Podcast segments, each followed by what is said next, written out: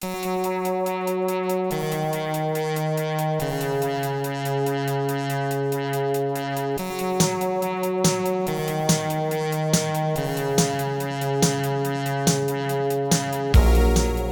to First Draft with me, Sarah Enni.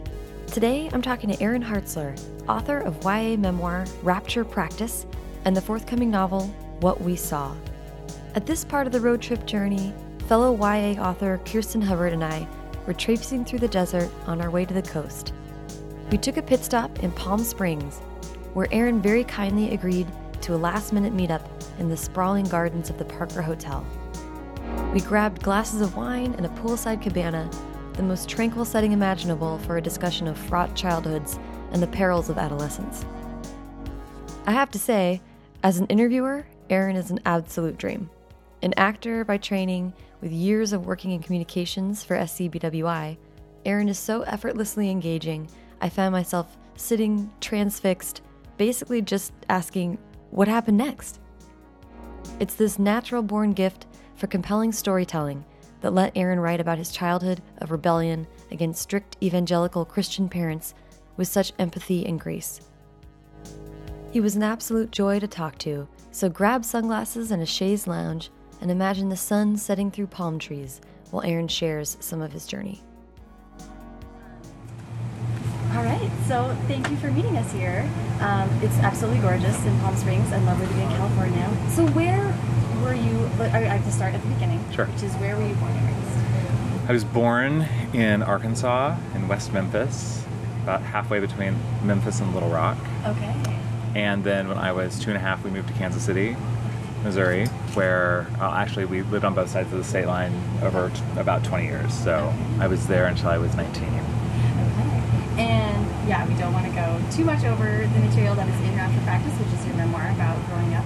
Um, but I am curious about when writing became something that you were interested in. When did you start writing for fun? You know, I David Levithan had uh, a bunch of us do a panel in March at Teen Author Week that he does, and um, he had he had a bunch of us uh, like it was a Juvenilia panel. So we all dug through our teenage journals and diaries and poetry, yeah, and. Um, I was going through this my one Rubbermaid bin that I allow myself to keep of all that stuff from being a teenager, and I didn't realize how much I had written. I had I had stacks of high school newspapers, and that I had been the editor on, or the you know I had written features for, and um, I was always I was always writing, Yeah. and I would go through. I went through notebooks actually for that panel and found song that just random in between like history class notes. I'd find a random page of like country song lyrics or like uh, I, I wrote a lot of bad song lyrics and a lot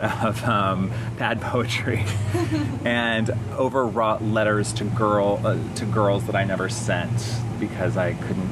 I, like, there was a, a letter I read at this panel that was a a letter to a girl who had said she would go to junior senior with me and then decided to go with someone else and like I wrote this free free form poetry like Ellen Hopkins style free verse four page Oh my gosh. very dramatic letter in response. So And never sent it. never sent it. Oh. And said in the in the poem, I will never send this to you. so um, I was doing a lot of that, and then um, I went to grad school for acting. Uh, and when I graduated, I came to California to do this summer stock on the Central Coast, and I thought I was going to finish my equity card points and move to New York and do musical theater. And um, I was doing Grease on the Central Coast for the summer in Solvang, and uh, fell in love with a greaser that was in the show, and he was on his way to LA, so I moved to LA with him. And when I got here, I realized it was a totally different ballgame than theater, and that I had to do something to get agents to come see me. So I wrote, I started writing short autobiographical solo shows. So I did a couple that were like 20 minutes long, and I did one that was about an hour and a half. And that show uh, I, I took to New York and did in the Fringe Festival and in San Francisco, and uh, it got nominated for a GLAAD Media Award. I wrote it with an ex of mine that we, we were performing kind of together, and. Uh, through that, um, I had the opportunity to do some development for television because I had started doing some stand up and kind of learning to try to find where the funny was in these wacky stories I had about growing up. And so I did two rounds of development for a television show at 20th Television with producers, and um, the development exec I was working with in 2005 and 2006, when the writer's strike happened in 2006, he said, "So this isn't going to go anywhere. Everything's shutting down." And he had his name was Nicky Weinstock, and he had come from publishing. He had been an editor for a while in New York and had a couple of novels out and a nonfiction book. And he said, "You should write a book."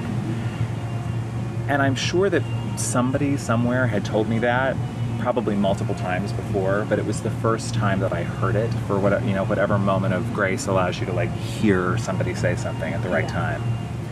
And I was like, okay, I'm gonna go write a book. Stupidly, not knowing what that entailed, you know. And that was in 2006, and then in 2013 the book came out, you know. So there was some growth there. Yeah, publishing. Yeah. Um, I'm just going to turn up really quick. Sorry.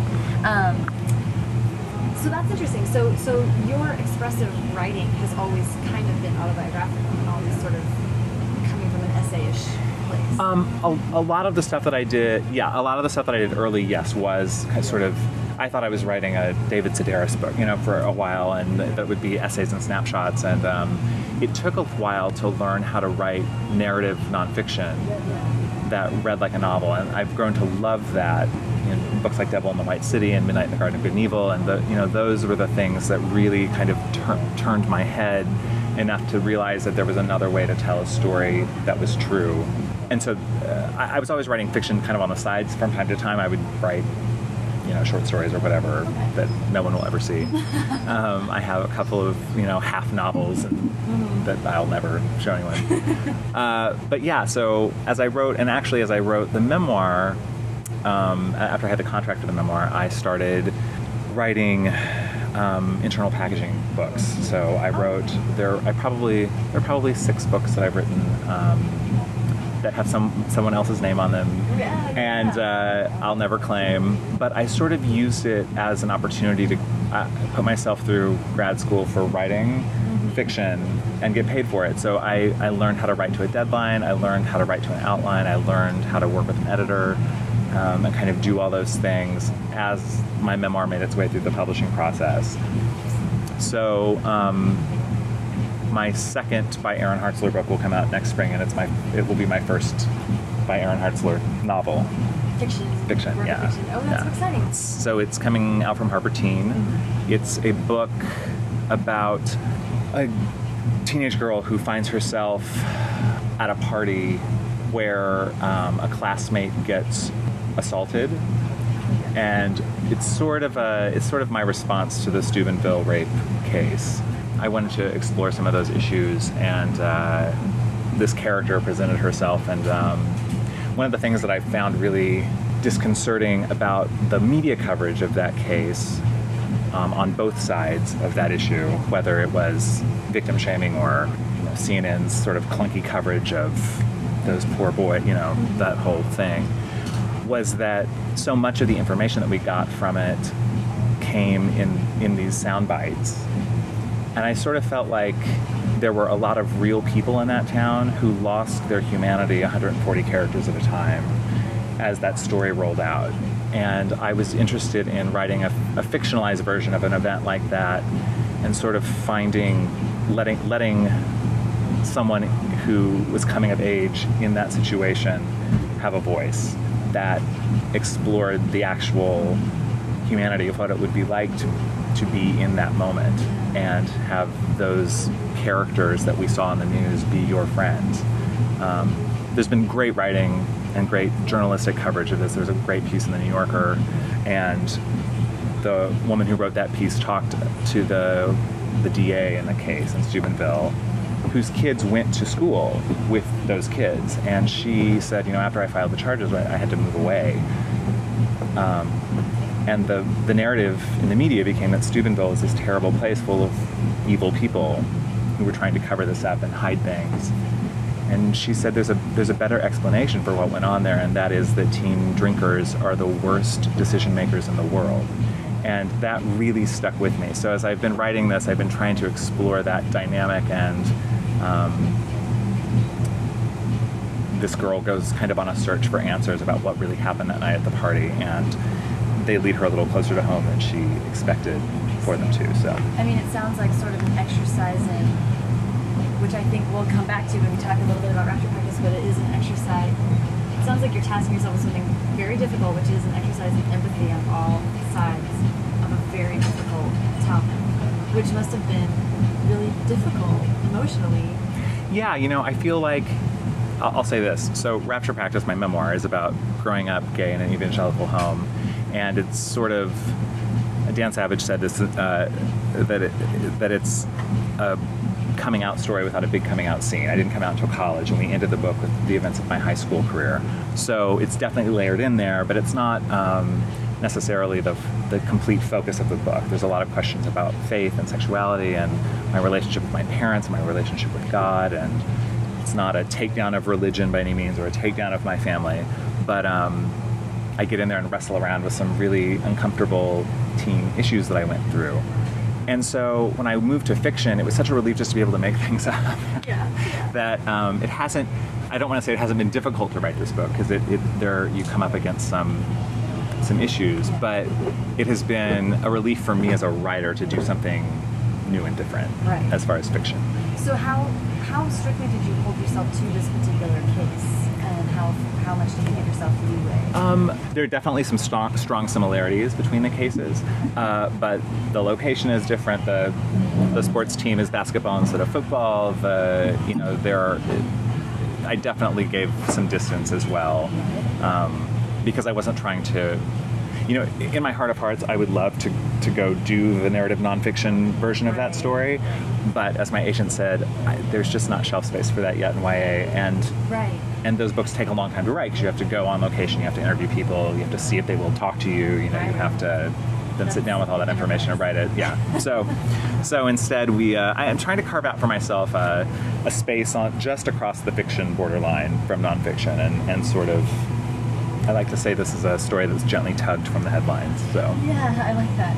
It is interesting. You do have a really unique position. I mean, YA memoir is a very fledgling. I, I like to think it will become a very common thing because Practice is amazing, and other stories like that are are necessary to be told. Yeah, and they are happening. The, um, I want to give shout outs for just a second. Uh, Josh Sundquist has a book coming out from Little Brown called We Should Hang Out Sometime in December.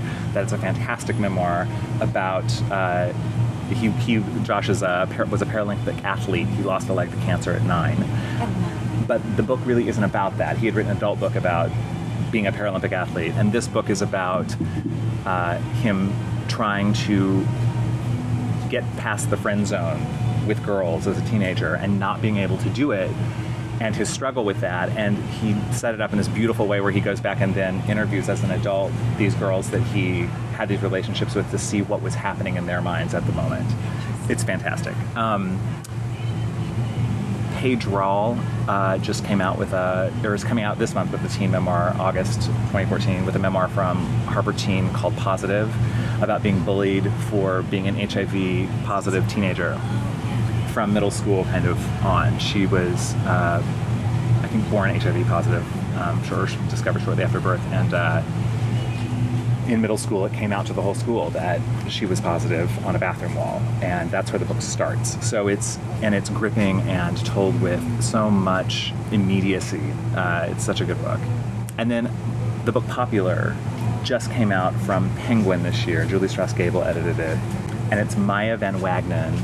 She was she was a, an unpopular middle school student, and at 15 found a book written in the 50s, I believe, by a teen model Yes. about how to be popular. And she took that book and started to implement those suggestions in her own life in the modern day and wrote about the results. And at 16, her book, or she's about to be 16, I think, and her book just came out, and it's fantastic. Yeah. So um, it does the it does the best thing that memoir is capable of, I think, by chronicling somebody's journey and growth um, as a theme, but using incredibly hilarious and heartbreaking moments to illustrate that theme, and it's very well done. Wow, that's excellent. I have heard of that one. That's So lots of teen memoir coming. It's not just Kardashian hair tips on the teen nonfiction shelf anymore at Barnes and Noble. Thank God.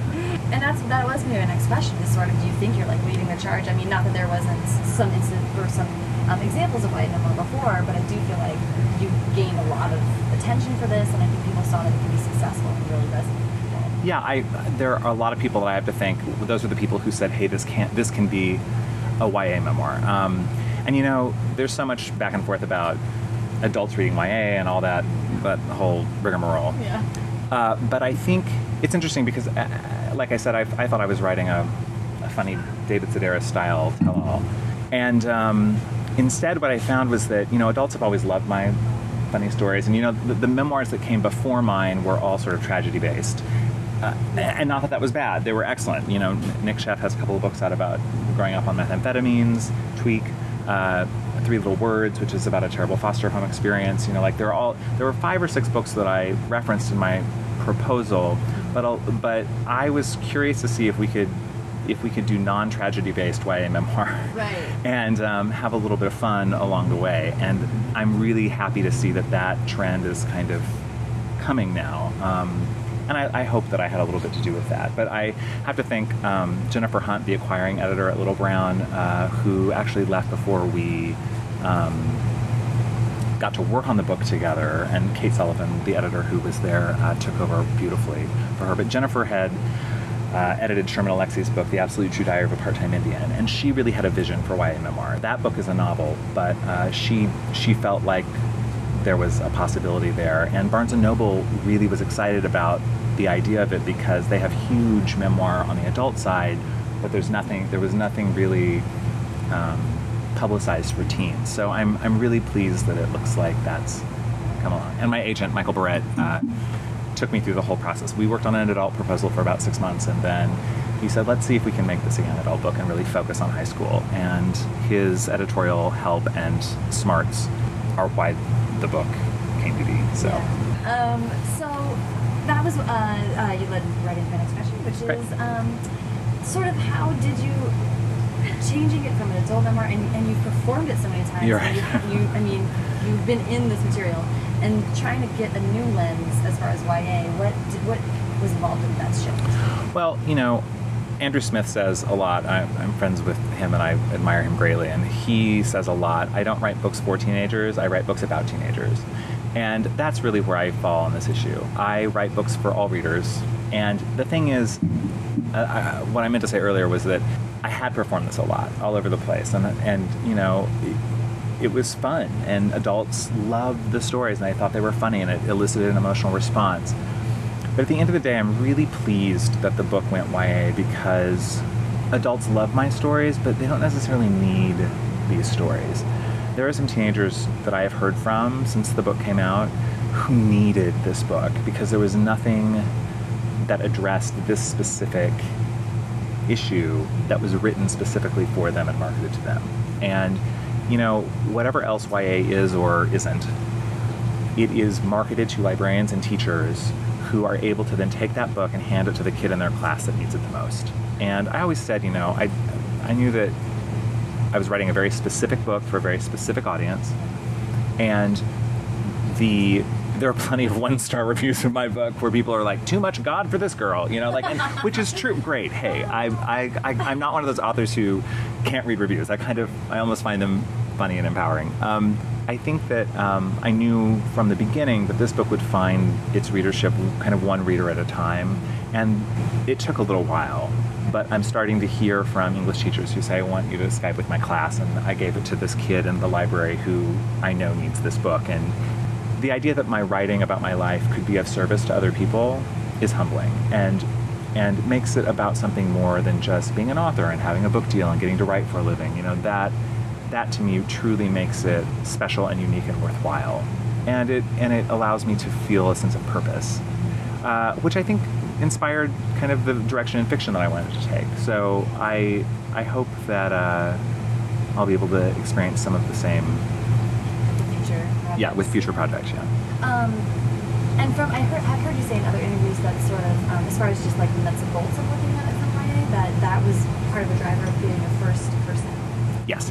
I, I and not just first person but first person present um, it's it's tricky because when you're writing a when you're writing a book about the past your past specifically it's it's a very different experience or it was for me it was a very different experience for me to write about it um, in past tense and then actually change that and write about it in the present tense as if I was going through that moment with my dad or that conversation with my mom or my best friend at that moment and really drop into that 16 year old headspace. And I, I describe it as a, a, it's kind of a camera point of view.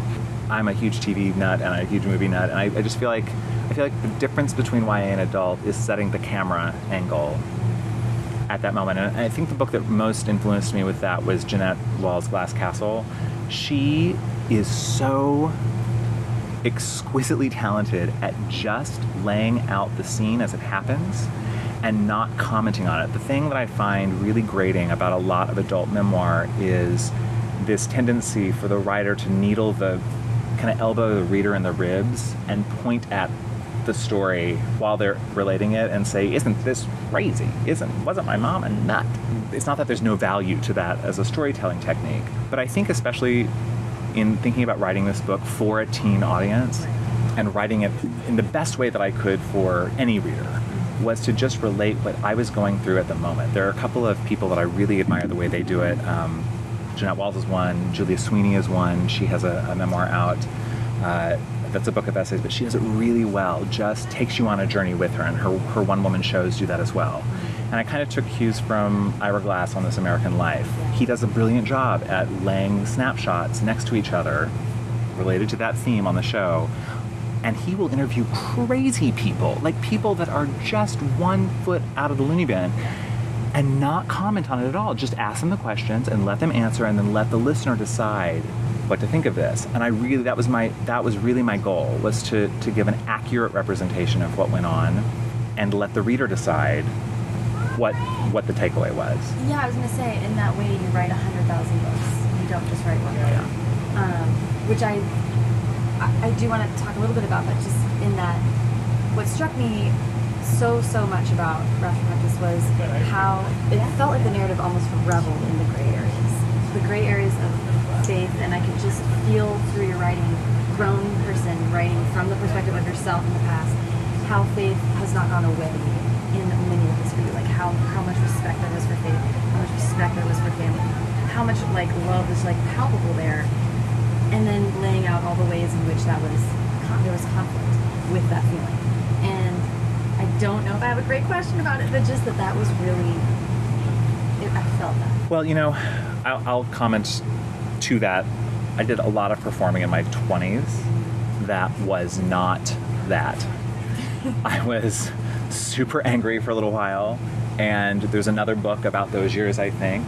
Uh, but I did some performances in New York where there's a there's a theater in the East Village where the paint on the walls is still blistered from the heat of my rage, I think.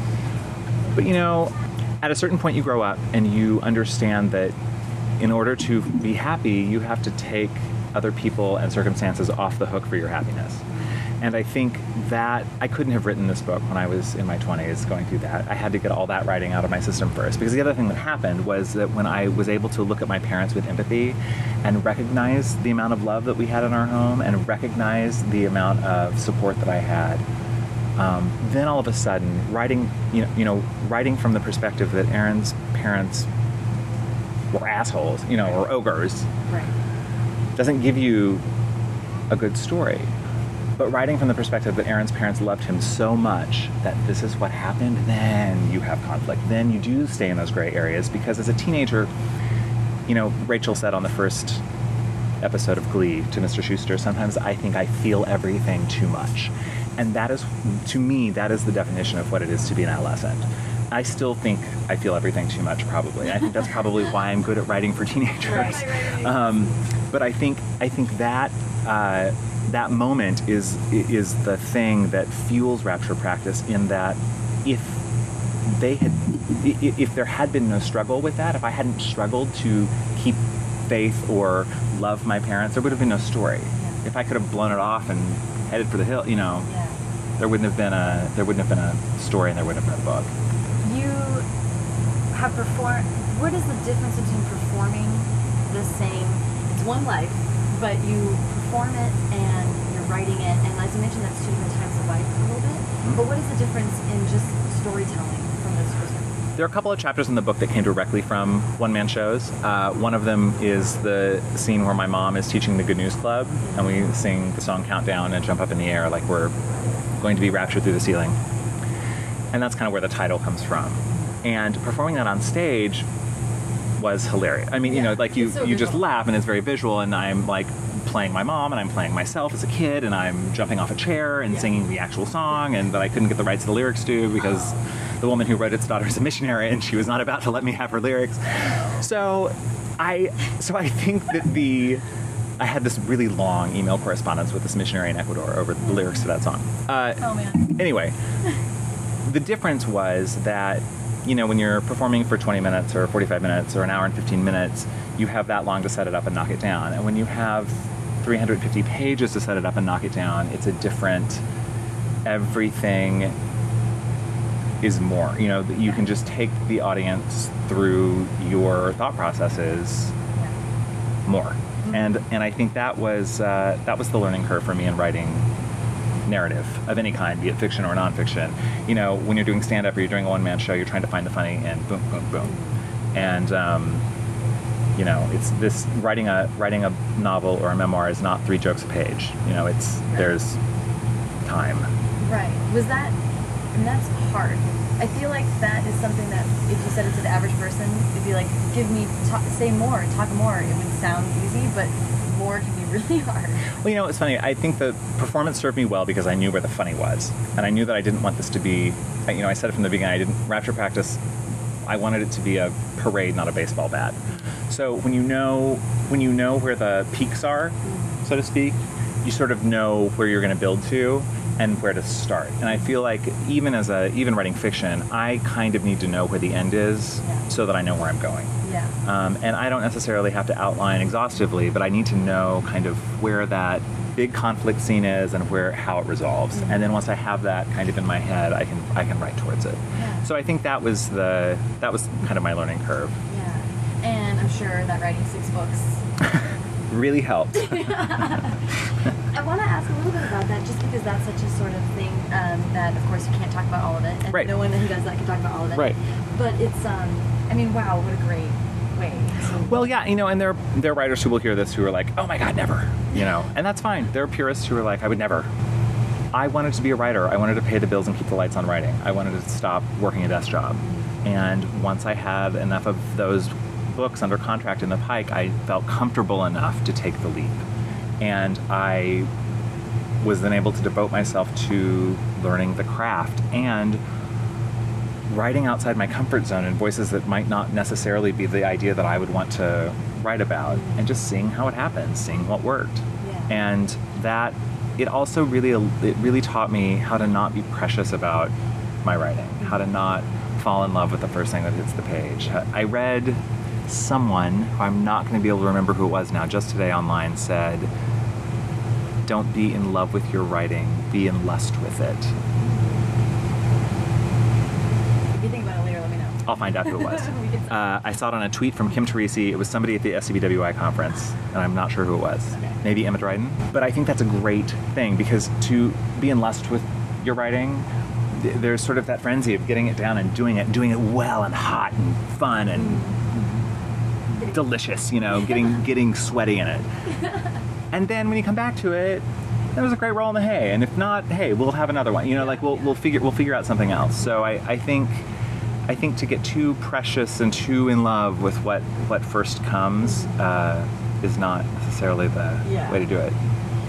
Get to that, I wanted to ask about rejection. Yeah. Because you have chosen two careers.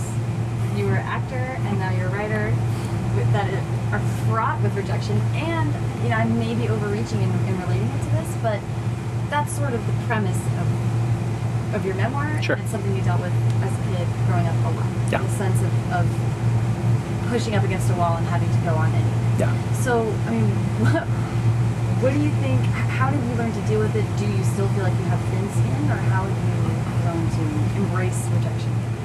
I think that wherever you are in life, there's always something else that you want. How, no matter how much I, you know, there, there was a time five years ago or six years ago when all I wanted was to get the contract for this book. Right. And the minute I got that contract, I had other goals. Yeah. and so I think the secret to life for me is learning how to live life in that in that crevice between the the goal that you've just fulfilled and the 20 other goals that have sprung from that. I don't think that goes away. I think that ends when you die.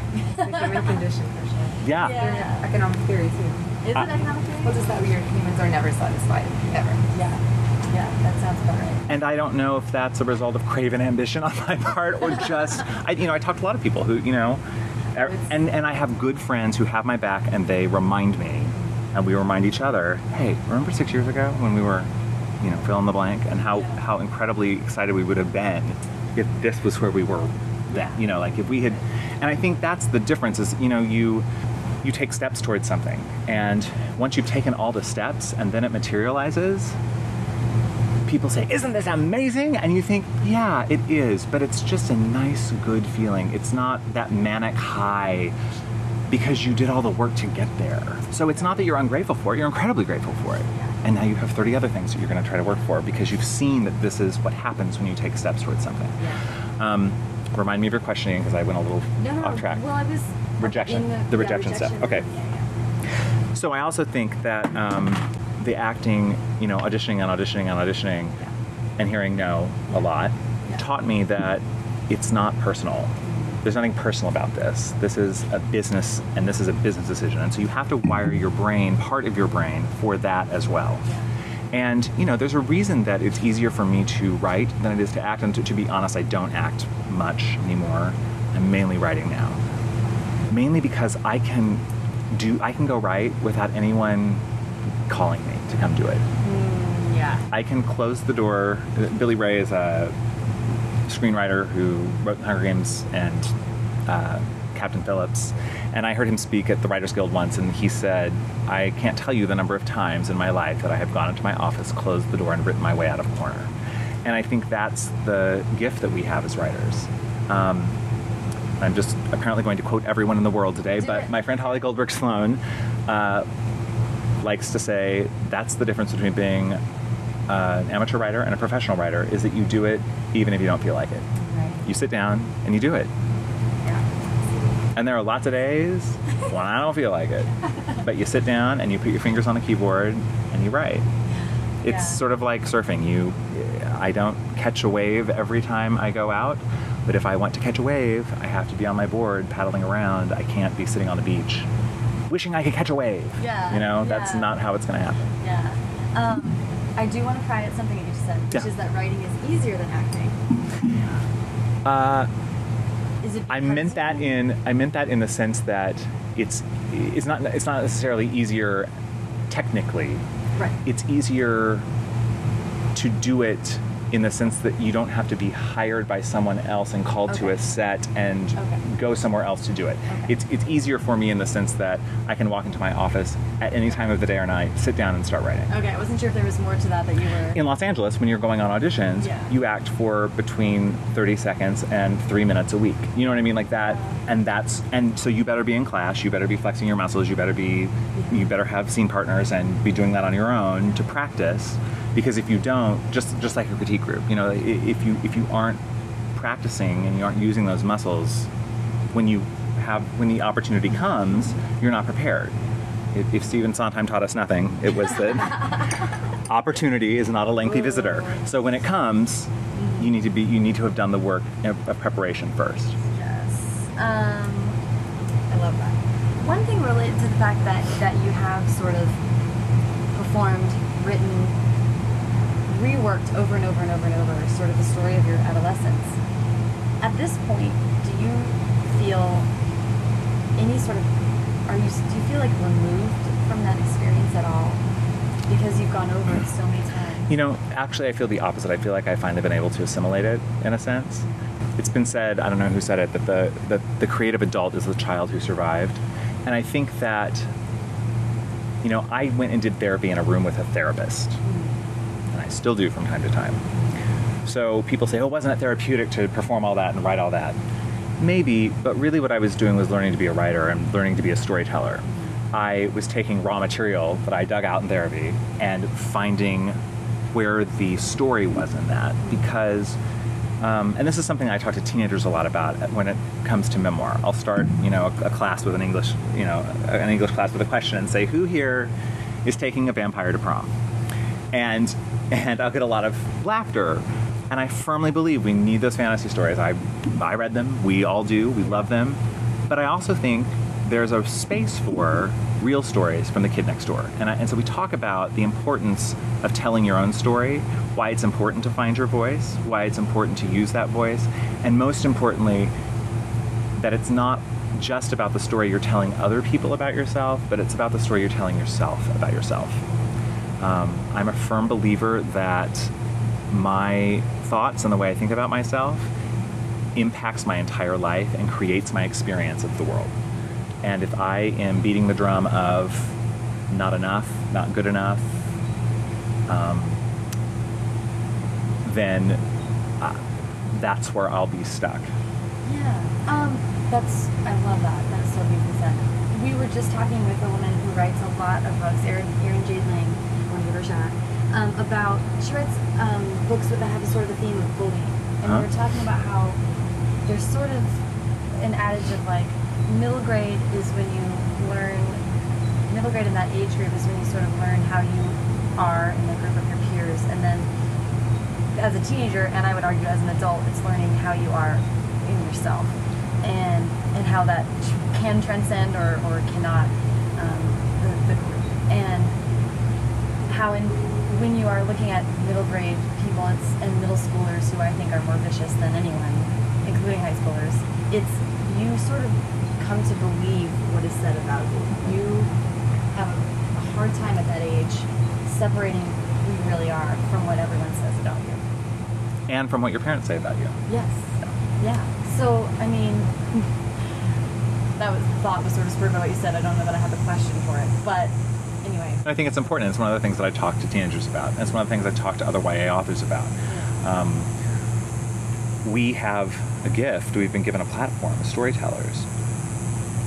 And I I feel like there's a way to show in our work for whatever age group we're writing for. And again, you know, I, I just try to write the best story I can. And, and I've heard from tons of adults. There's been tons of adult crossover for Rapture Practice. Um, but we have a respons- I, I feel like I have a responsibility to show that that we are incredibly powerful, and we don't always believe that. And I think the best stories are my favorite stories are not necessarily likable characters. I don't think I was especially a likable character as a teenager. Um, Who among us? I made?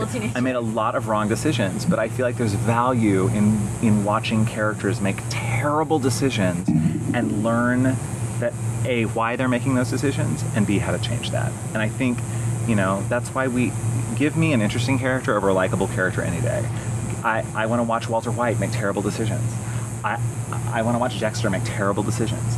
I you know I want to I want to watch the protagonists of of my favorite books make terrible decisions and learn how to save themselves. and understand that they're not terrible people. Yeah. And that's, I mean, you are such an empathetic writer, but I also, when people are jumping on unlikable characters and, and critiquing them, it's like, that's the point.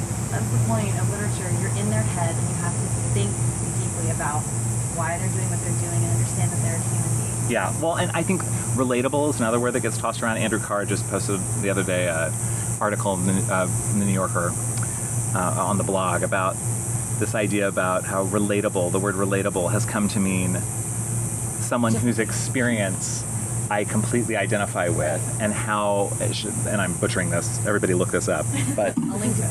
Relatable in the New Yorker, yes. Click the link. It's short, but it's great.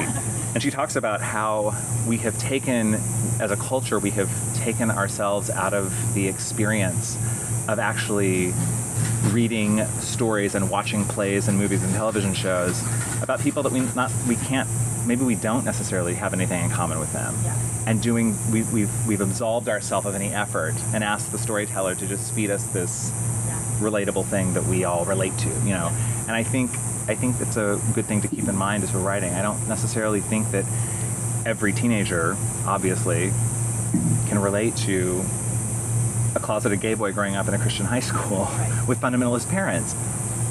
But what I heard again and again from teenagers was that most of them feel like they have no control over their own decisions, that everyone that someone else is making their decisions for them. And that's the part of the book that they could relate to. And I think the more specific you can be to your own experience and your own voice, the more relatable the theme of your book will be. Because I just realized that that's kind of my impetus to write a book that kind of explores some issues around feminism and what consent is and teen sexuality. My horse in that race, as it were, being a gay guy, you know, I'm, I've, I firmly believe that every ounce of homophobia I have ever experienced was related in misogyny and sexism. Because if calling somebody a girl is the worst name you can think of, Yeah. we have a problem culturally. And so I, uh, I've been thinking about this a lot as I write the book because um, it's it's one of those things that I feel like is dicey to be a boy writing a book about this. But I think that um, it was compelled by my own specific experience with being called a girl, being are you a girl, you know, and how terrible the, the the shaming nature of that question by junior high and high school students to me. And so, kind of trying to get into that and roll around in it a little bit has been um, both uh, difficult and rewarding. Yeah. So, That's I love that. Um, the book, which comes out next spring, is called What We Saw.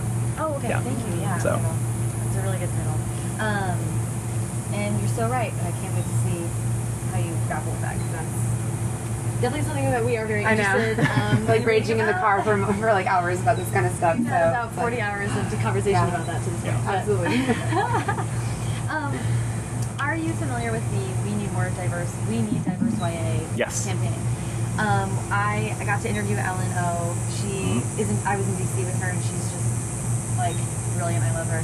Um, you know, are, are you?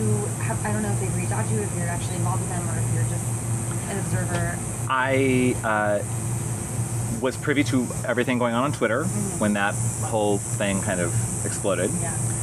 and I was quiet about it for a little while. And um, finally, when I did use the hashtag, Yeah. I used it to tweet out my favorite books that have diverse characters in them. Because I felt like there were plenty of people saying we need them, mm-hmm. but I feel like the other thing we need is the, the resource of look at all the books that there are. Mm-hmm. I'm not saying there are enough, mm-hmm. but uh, you know, Melissa de la Cruz has written her one of her first books was called Off the Boat, and it was about her experience. Her fiction. It was a fictional adaptation of her experience coming to America from the Philippines at 12. You know, and like what it was like to show up in San Francisco and be different. And I think you know things like that. Uh, are important to put out there because you know there isn't a lot of there aren't a lot of lead characters in YA that are Filipino. So where are those books? Let's let's give them a megaphone and give them a platform. Yeah, and I love that they are trying to make that. I think you're right. That that sort of um, on the surface, that's what comes across is Right. the please go write more. But Yeah. I do think they are they are trying, and we should all try to hmm emphasize what is. There are people writing those books right now, and they are out and they are on shelves, and we can all go buy them. Yeah, it's tricky because I um, and I had a conversation on Twitter with Malinda Lo and A.S. King and a couple of people about this. Like I, my best friend growing up was a black girl, and we, you know, she was she was the black girl in our class, and I was the gay boy, and we went to things together. You know, like that was what happened, and we're still very close. And I, um, it's tricky because as I, I get all of the privilege and entitlement that comes with being a white male, and in publishing, your sexual orientation is kind of neither here nor there. They don't really, you know, it's not really an issue. So uh, it's tricky for me to sit down and say I want to write a lead character of color or a lead character who's diverse in a way that I'm not. And so there are times when I feel like there is a sort of a peanut gallery commenting on the book world. And these are not people who are writing books necessarily, but they have set themselves up as the watchdog agency.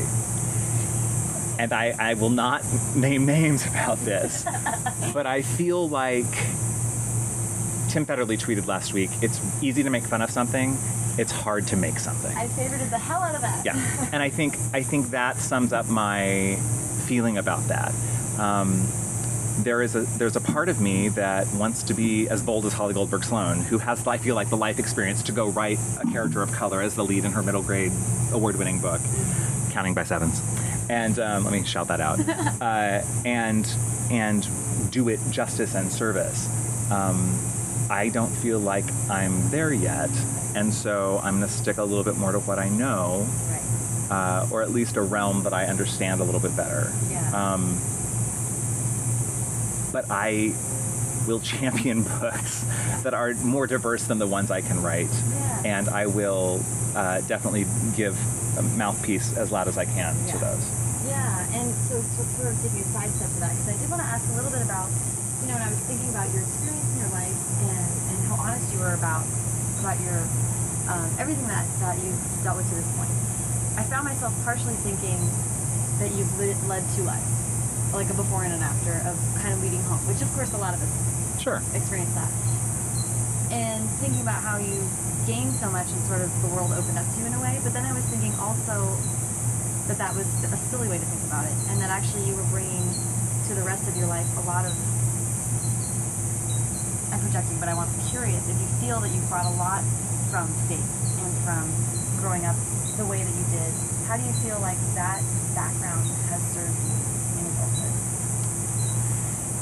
I think the simplest way to address that is uh, kind of what I wrote. I, I wrote a new afterword for the paperback. I haven't read it yet. Oh, we, we, you should. Yeah. Go, walk into a Barnes. You don't have to buy. it. Just walk into Barnes and Noble and flip to the back. I've heard Everyone at Little Brown, ignore that I said that. Um, I think, I think the best, uh, the best way to sum it up is kind of how I sum up the the afterward, which is that all of that stuff, as difficult as it was in the time that I was experiencing it, made me the man that I grew up to be, and I'm incredibly pleased with that guy. And I wouldn't go back to change that now. And I can look at it now through the lens of some life experience and some distance, and also having sort of assimilated it into myself by writing about it and experiencing it and rolling around in it so much, and uh, and understand just how loved I was, just how far I came, just how far my family has come, how we have across a great divide decided to take steps towards each other instead of away from each other. And I think those, you know, those were the guiding principles of the faith in which I was raised that in our sort of ultra polarized red and blue state world don't get enough vocalization. That we will know that we are, they will know that you're Christians by your love. Um, a challenge now to say that, you know, because that's not necessarily the the squeaky wheels always get the most press coverage, you know, and so I think I think that's the I think that's the difficulty, and I'm I'm not in a community of faith anymore. I don't um, go to church or um, have a an organized religious view of the spiritual world. Um, but I wrote in the afterwards of the book, you know, I if you are a teenager who picked this up so that you could find out how I reconciled my sexuality with my faith, the short answer is I didn't. But that doesn't mean that you aren't going to find fulfillment in a community of faith yourself. And I believe that that's such a, a very personal journey.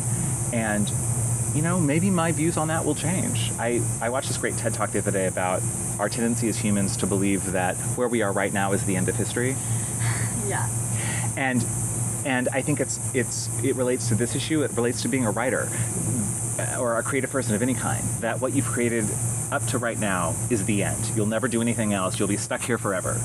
And yet we have such short we have such short memories about where we were just last month and just two weeks ago and just you know last year. And I think um, the issue of faith and spirituality is something that I will always you know I, I've, I like to say I was hardwired to believe in a very literal God.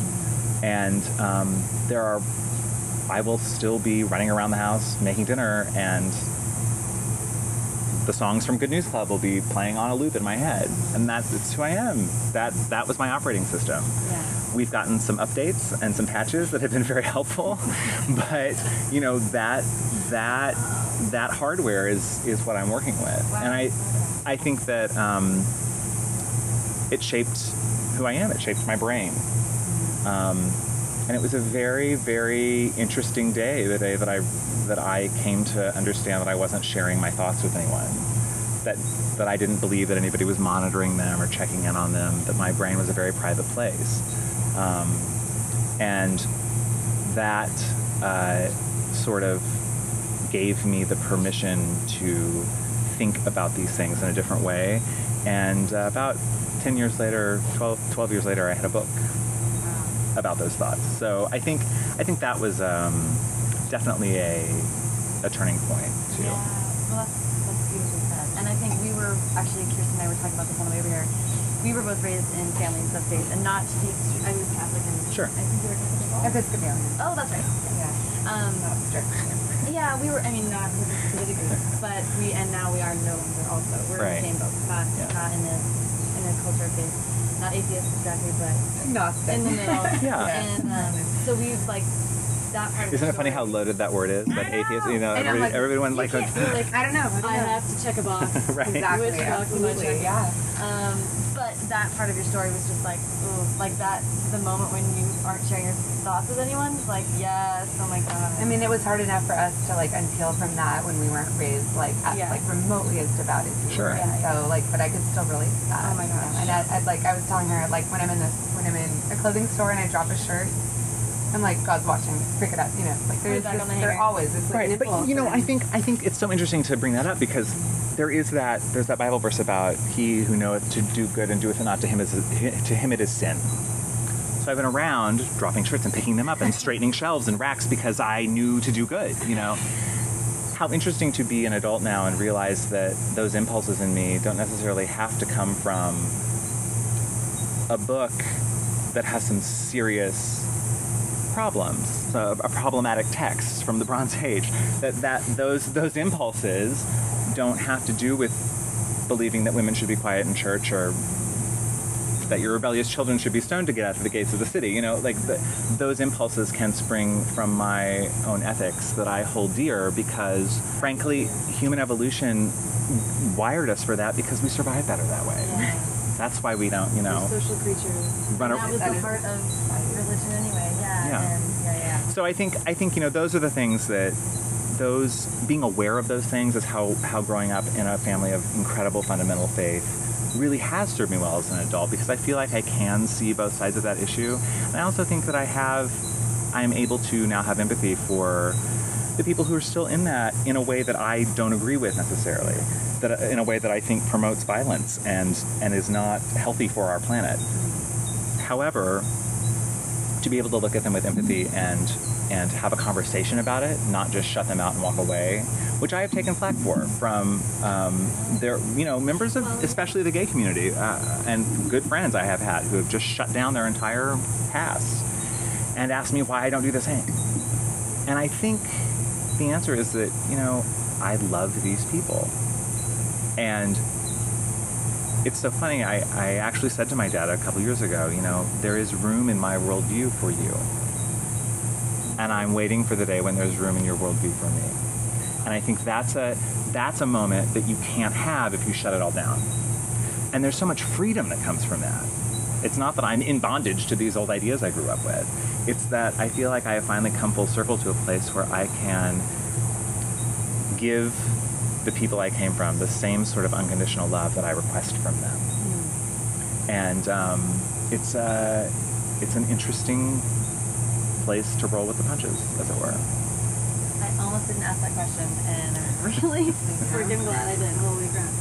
Um, I do have to point out that we are sitting by the pool at the Parker Meridien in Palm Springs, and there may not be many lovelier places in the world. this Gorgeous. a wonderful Blowing place to have my mind. conversation. Yeah. And it's like, it's a Monday night. It'll be great. No one will be hanging out. So we are, we are poolside pool to ourselves this. Okay, a couple quick questions. I'll start with the quickest one first, which is I rumor has it, and by that I mean your video interview on Little Brown website, that if you could sing a duet with anyone, it would be Bette Midler. I have to know what song it would be right now. Like today, not, not when you like you may have had a different song in mind then, but No, I, I, She's right there. right. I, She's ready. I have to say, I think it would have to be one of those heartbreaking ballads. You know, like I, I want it to be I want it to be from a distance, or um, you know, uh, you know, that was one of the songs. That was one of the tapes that I had to smash with a hammer. You know, like and and my I remember my I think my mom saying, you know, God is not watching us from a distance. He's right here with us. He sees your every move and he knows your every thought. You know, like it's that. But you know, uh, her fabulousness translated into that sort of choked sob in that song made me aware that there were other adults and other humans in the world who thought about God in a very different way than my parents did. So, you know, I mean, I know that sounds cheesy, but I think that, I think, you know, those little steps along the way were hugely important for me because I lived in, I lived in that weird period of time between AIDS and the internet where there wasn't, for, for gay youth, there wasn't, like, in, unless you somehow had a sort of a savior figure that came in and swooped you away and said it's going to be okay you know? There wasn't there weren't a lot of resources there weren't a lot of places to go. So finding armistead maupin's books and bette midler's tapes and you know those those were those moments where i heard something in in these people these forebears these sort of prophets of the gay past that had come before me you know that said there there is a place for you here and um, it was coded and different than it is today, where you can log onto TrevorSpace and meet gay 14 year olds in your area if you're a 14 year old gay boy. You know what I mean, like that. So, uh, how how great that guys of my generation uh, have been able to come along and put those things in place via the internet. Thank you, Al Gore, for inventing the internet. Oh yes, we have to thank.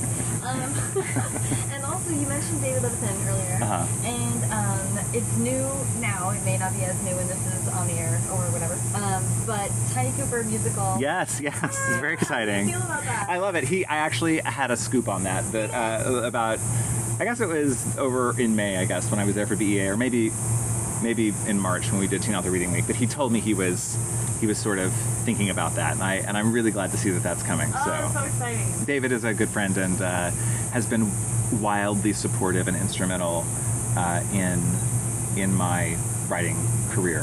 Um, when I came to start writing books in 2007, I didn't know what to read, and I asked Jamie Weiss Chilton, my friend who worked at SCBWI at the time with me, uh, what do I read first? And she handed me Boy Meets Boy, and that kind of, I, I was like, oh, all right, so this is where we are, and uh, I uh, treasure his friendship. So. Yeah, that book is so beautiful. Must have been like. Is that the first YA? Um, I read a pile that she gave me. and I'm not sure if that was the first one, but in that pile was Pete Hautman's Godless that won the National Book Award in 2005. If you haven't read that book, you must. It's about a Catholic kid who decides he's going to found his own religion with a group of friends, and they start worshiping the water tower in the middle of their town. my alley. and it won the National Book Award for a reason. It's fantastic. Um, also in that stack was Laura and Tom McNeal's books, uh, Zipped and Crooked. Uh, they are a husband-wife writing team who sometimes write together and sometimes separately. They've both been nominated for National Book or finalists for the National Book Award now. Uh, Tom for Far, Far Away this last year, and Laura a couple years ago for a book called Dark Water that was beautiful, um, and uh, and ha- is a is a diverse book um, with an incredible uh, Hispanic leading man. Um, and she, they're both writers of uh, great literary chops and just beauty. So, Great. And that actually answered what I was going to ask about writing community. I mean, Mhm. so you reached out first to. I mean, how did you come to YA specifically? well, I, you know, I come from acting, and when I first moved to LA, I got a job in the casting office at 20th Television and threw away 8,000 headshots a day because I didn't know. I, I had a degree in acting, but I didn't know the business, and so I thought, well, to learn the business, I have to meet the decision makers and get as close to that as I can. So I figured out how to do that, and I did the same. I made the same approach with writing. I thought I was going to move to New York, and instead, I. I was like, well, let's just try. And I typed in publishing jobs on Craigslist in 2006 in Los Angeles, and the, the Society for Children's Book Writers and Illustrators needed a director of communications. And I was like, well, I'm going to go on that interview. And I did, and got the job, and made more publishing contacts in an afternoon than I could have if I had moved to New York and knocked on doors for five years. But I think that's, you know, those organizations, and I tell writers this all the time, you can try before you're published to build a platform of readers, which I don't know how you do that. I, it is incredibly difficult, I think. What I suggest that you do is try to build a platform of publishing professionals and go to where the decision makers are giving you feedback because theirs is the feedback that matters. And and it's not that your good friend or your daughter or your sister-in-law or your husband isn't going to give you good advice but let somebody who is a professional tell you which revisions to make Yeah. um, and I think I think you know if you can find room on that credit card to go to an SCBWI conference or go to a Writers Digest conference and meet the agents and meet the meet the editors and start getting FaceTime with them. You know, Jay Asher came to the SCBWI conference for years with that manuscript that has now been on the New York Times bestseller list for how long? Longer than I've been alive. Six years. I- Six years, I think Yeah. and I think that's the I think that's the key. You know, it, it there is a great deal of persistence, and there's a great deal of willingness to take feedback, willingness to hear what is being said to you and change, and and that's why I say don't be in love with your writing, be in lust with it. That's so great. Yeah. I love that. Um, and finally, the um, Palm Springs. I think uh, get rid of this, but I think you list that you're in Los Angeles. Do you want to say that you live in Palm Oh no, I do live in Palm Springs for now. I am on my way back to Los Angeles, Oh. probably within the next year. I moved out here sort of. I was I was stuck in a social twirl in Los Angeles that I had been in for about 15 years. Mm-hmm.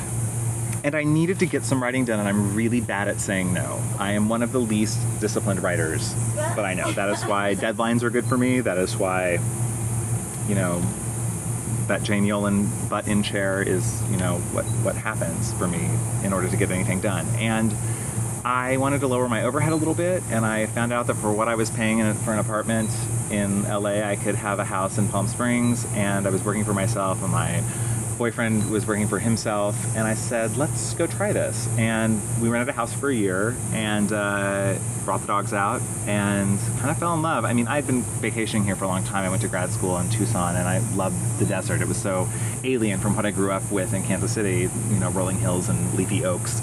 And to have, you know, big rocky mountains and kind of this energy is, the energy here is just phenomenal. You come around that corner on the 111 from the 10 and it's just kind of like a depth charge goes off and the, you can feel the you can feel the tension draining out of your body.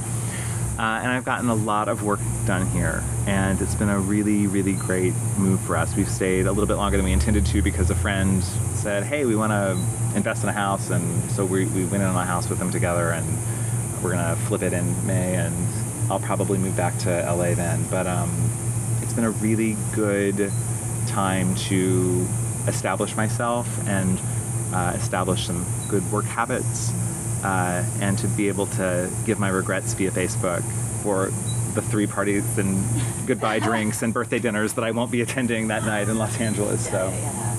So, yeah, your life has changed while you've been here then. yeah, very much. Hugely.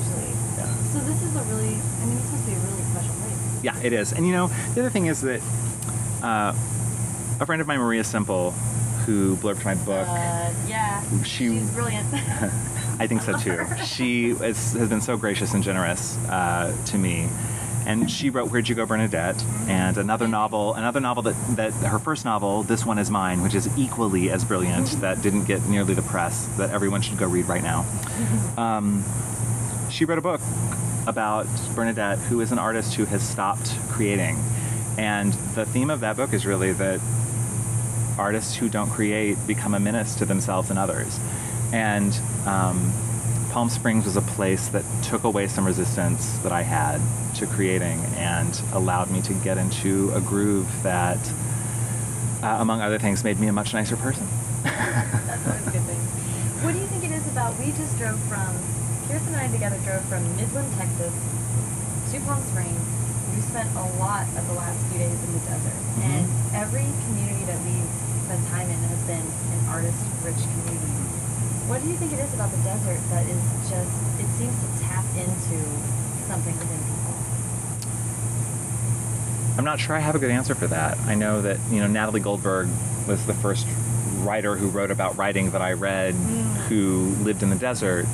And she lived in Santa Fe, I think. So I'm not sure it's technically the high desert, I guess. But um, I think that I think that is uh, I don't know. I think there is a tradition of it. Um,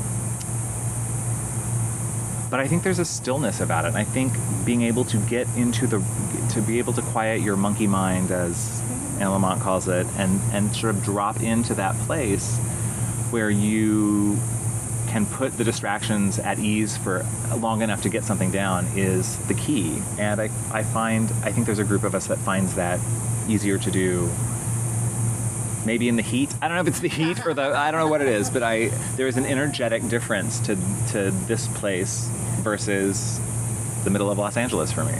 Yeah. Um, and it's funny because I can take this with me now. I, I've noticed that I can I can write just about anywhere now. I've written on airplanes. I've you know yeah. written in Starbucks. I've written you know I can I can kind of write anywhere now. So um, I feel like it's catching whatever it is. So try it. It's like a centering Yeah. kind of experience. I have friends from LA who come out for writing weekends, uh, either rent a house or rent a hotel room and get a lot done. Um, when we were in Sedona, they would say it was the vortex. Right. Well, there, there's that too. The universes, and we were. You know, there is a place near Joshua Tree called the Integratron. I have been to the Integratron. Have you had a sound bath at the I Integratron? absolutely did. I even thought about bringing you there, but it's. Um, that's a must do. But it was amazing. It was Oh amazing. goodness. What is a sound bath? Well, there are a couple of aging hippies at the Integratron, which is a geodesic Just dome. It's a geodesic dome built over to the place where two apparently geomagnetic anomalies meet underground. Okay. And apparently, aliens told someone in the '60s that this was a this was a, a place between a portal between the universes, Mm-hmm. and you can go and lay on a pallet in the top of the geodesic dome, and this this guy will play crystals and Quartz, quartz bowls. quartz bowls. And your entire body kind of vibrates. Oh Yeah. my It's, god. it's actually guys. pretty amazing. How am I alive and I haven't done Have a sound bath at the Integratron. Who knows what might it might unlock in you? It's on the list. That's amazing. well, thank you, thank you, thank you, thank you so much. This was a beautiful conversation and a great place that we never would have found anyway. It's a, it's a pleasure. I'm so glad that we got to meet. uh, thank you.